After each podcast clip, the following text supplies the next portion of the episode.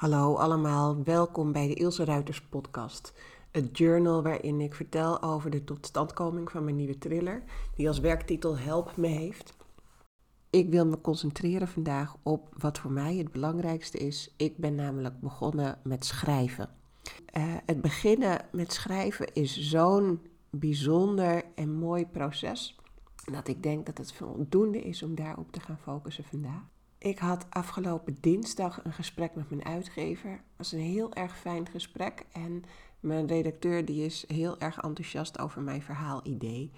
En hij vroeg me, ja, wanneer denk je dat je boek klaar is? En dat is altijd zo'n tricky vraag. Over mijn allereerste boek, De Onderkant van Sneeuw, heb ik twee jaar gedaan.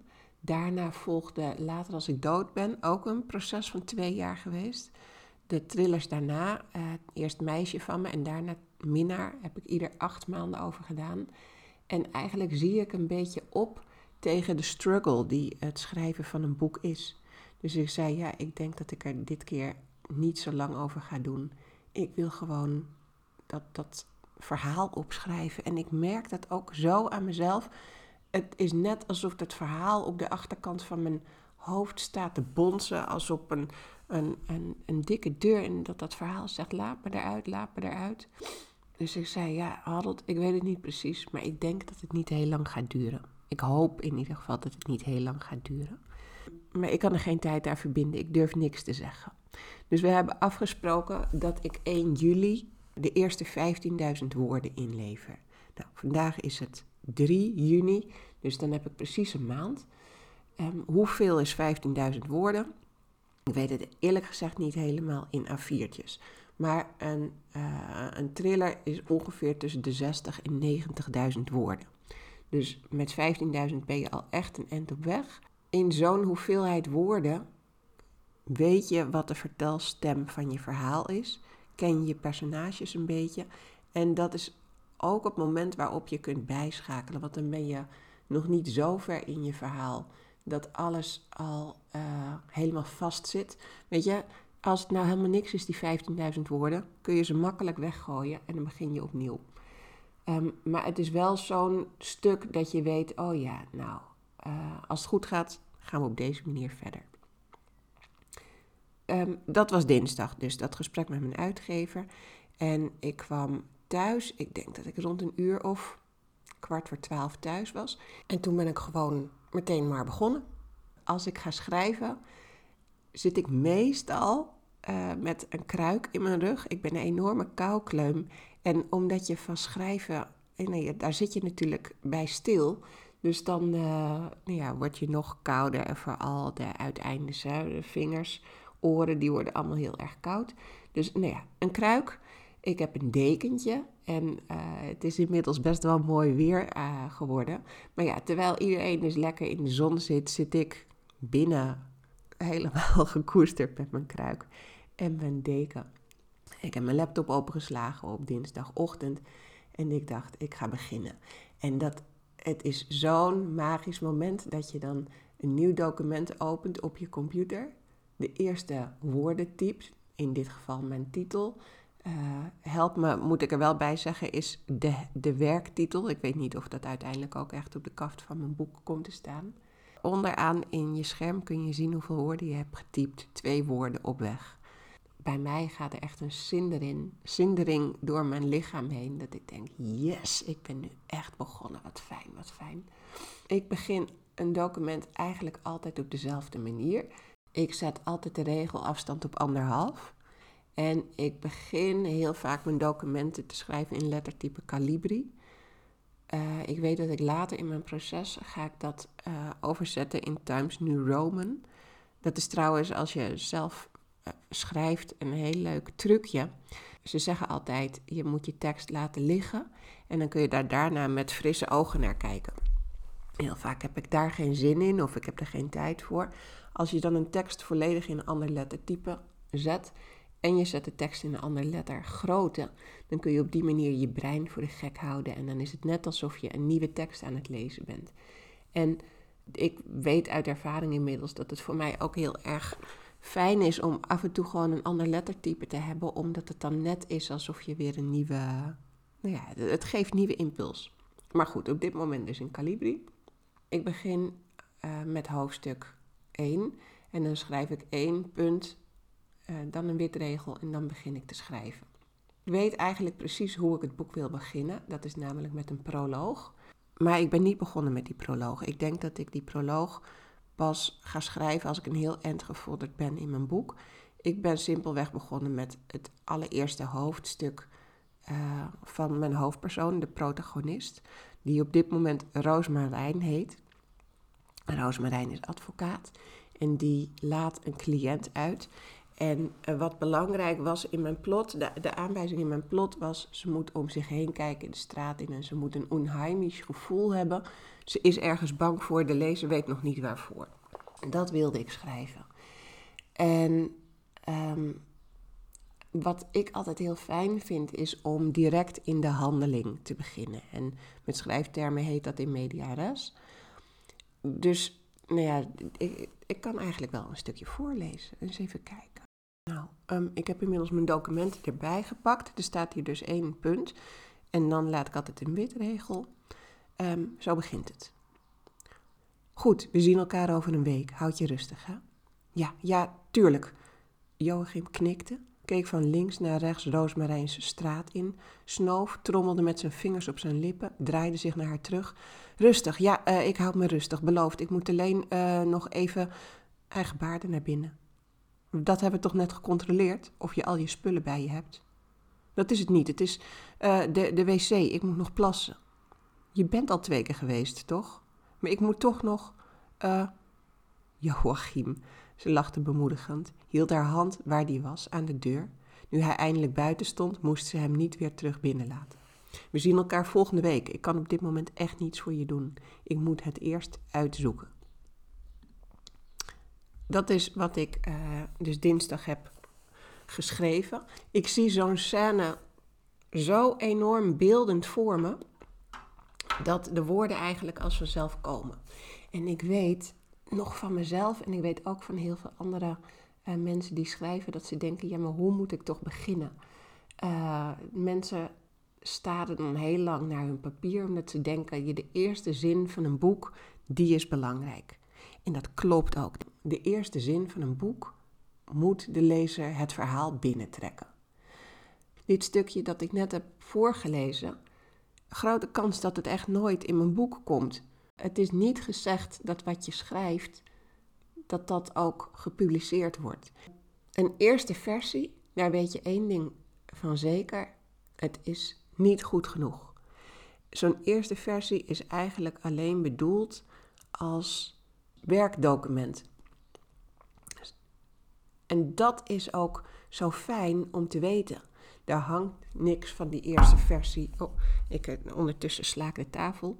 Um, er hangt niks van die eerste versie af. En dat besef is zo ontzettend mooi om te hebben. Het enige wat ik als schrijver nu hoef te doen, is enorm genieten van het verhaal. Enorm uh, blij te zijn met alle woorden die op papier komen, met dat ik mijn personages beter leer kennen, dat ik het verhaal beter leer kennen. En het hoeft helemaal niet perfect, want ik heb straks alle tijd om dit hele verhaal te gaan polijsten en schuren en dingen hier te zetten en daar te zetten. Um, en ik mag gewoon echt van dit begin genieten. Dat is iets wat ik heel erg heb moeten leren. Ik heb uh, toen ik de onderkant van sneeuw schreef, mijn debuut, hing er een post-it bij mijn bureau waarop stond: Jouw perfectie remt je. Dat heeft ooit iemand tegen me gezegd en die woorden waren zo waar. Ik wilde het allemaal zo goed doen. Ik wilde echt het grootste, mooiste boek ter wereld schrijven. Uh, ja, met terugwerkende kracht. Dat is toch grappig natuurlijk. Maar het, het kwam maar niet omdat, nou ja, ik zat mezelf enorm in de weg. En nu denk ik, als ik een nieuw boek ga schrijven, ik ga maar gewoon beginnen. En misschien ga ik al deze woorden weggooien. Maar ik heb wel al deze woorden nodig om een verhaal uiteindelijk te vinden. En ook de tekst die niet goed is, waar je uiteindelijk niks mee doet, die is waardevol, omdat je je weg zoekt. Ik ben met dit boek ben ik een weg ingeslagen waar ik op dit moment best wel blij mee ben. Uh, nee, ik ben dus dinsdag begonnen met schrijven. Het is nu zaterdag. Ik zit inmiddels op bijna 7000 woorden. In deze eerste versie ga ik dus als een speer, maar dat betekent niet dat alles zich enorm uh, vanzelf ontvouwt. In de beginscène staat Roosmarijn haar cliënt uit te laten en de vraag is ja, dus, nee, ze, kijkt hem na wanneer hij wegloopt door de straat. En toen dacht ik, ja, wat voor straat heeft ze? Ik, ik, ik zal even voorlezen wat ik heb geschreven. Um, nou, hier komt hij. Nogmaals speurde hij de straat af, de OV-chipkaart stevig in zijn hand, zijn rode jek wapperend in de wind. Wat zag hij, wat dacht hij te zien? De straat was een doodnormale Amsterdam-Zuidstraat. Bakstenen gevels met natuursteen versierde ramen, sommige buren een bankje, alle parkeerplaatsen door luxe auto's bezet. Voor hun eigen raam stond de bakfiets met een groot hangslot vastgezet aan een ijzeren ring. Dit stukje, um, dat is er inmiddels uit. Ze woont niet meer in een Amsterdam-Zuidstraat, omdat het niet goed uitkwam met de volgende handeling die ze moet doen, want ze gaat namelijk naar een tankstation. Joachims rode jack wapperde in de wind. Het is inmiddels zomer geworden in mijn boek, dus zijn, zijn jack hangt inmiddels slap om zijn lijf. Dat zijn dingen dat je, je besteedt er aandacht aan. Want ik dacht, ja, hoe ziet dan een, Amsterdam, een typische Amsterdam-Zuidstraat eruit? Ik uh, had wel een beeld in mijn hoofd, maar toen ben ik gaan googlen op architectuur van de Amsterdamse school. En uh, het zit hem in de details, zo'n omschrijving. En dan heb je eindelijk iets waarvan je denkt, nou, dit is in de basis wel aardig. En dan denk je, nou weet je wat, ik ga het toch niet in Amsterdam-Zuid laten wonen. Ik ga het uh, herschrijven. Dus dat heb ik gedaan. Dat zijn dingen die je, die je niet kunt bedenken in het plot. En die je remmen, of die mij in ieder geval remmen in mijn schrijfproces. Want eigenlijk wil ik het liefst in flow zitten en in één keer alles hup op papier zetten. En dit zijn stapjes waarbij ik opsta, naar de wc ga, een koekje ga halen, een glas water in ga schenken, nog even wat uh, nieuw water koken voor mijn kruik, nog een kopje thee. Dat, dat remt, omdat ik dan niet precies weet hoe het moet. Hoe los ik dat op? Ik heb een schriftje en daarin, uh, als ik merk dat ik vastloop, zet ik daar een vraag in. Ik heb hier als voorbeeld uh, een vraag: waar zet ze haar auto neer? Op een gegeven moment staat ze ergens uh, midden in een weiland. Ze ziet een fabriekshal liggen en ze wil daar, uh, ze, wil daar stoppen, maar ze wil niet dat iemand haar auto kan zien. En uh, het gezichtspunt van die iemand, dat is vanuit die fabriekshal. Waar zet ze haar auto neer? Op dat moment ging ik dus honderd dingen doen in mijn huis. En, uh, want, want ik dacht, ja weet je, als ik straks ga zitten, dan weet ik het opeens. Maar ik wist het niet. Wat mij helpt is altijd om een hele korte uh, beschrijving te maken van de scène. Dus ik heb opgeschreven, ze ziet de fabriekshal liggen, niets duidt op leven, geen, parkeer, geen geparkeerde auto's, puntje, puntje, puntje. En vervolgens begin ik gewoon maar met oplossingen te bedenken. En sommige oplossingen, daarvan weet ik, dit is geen goede oplossing, maar ik schrijf hem toch op.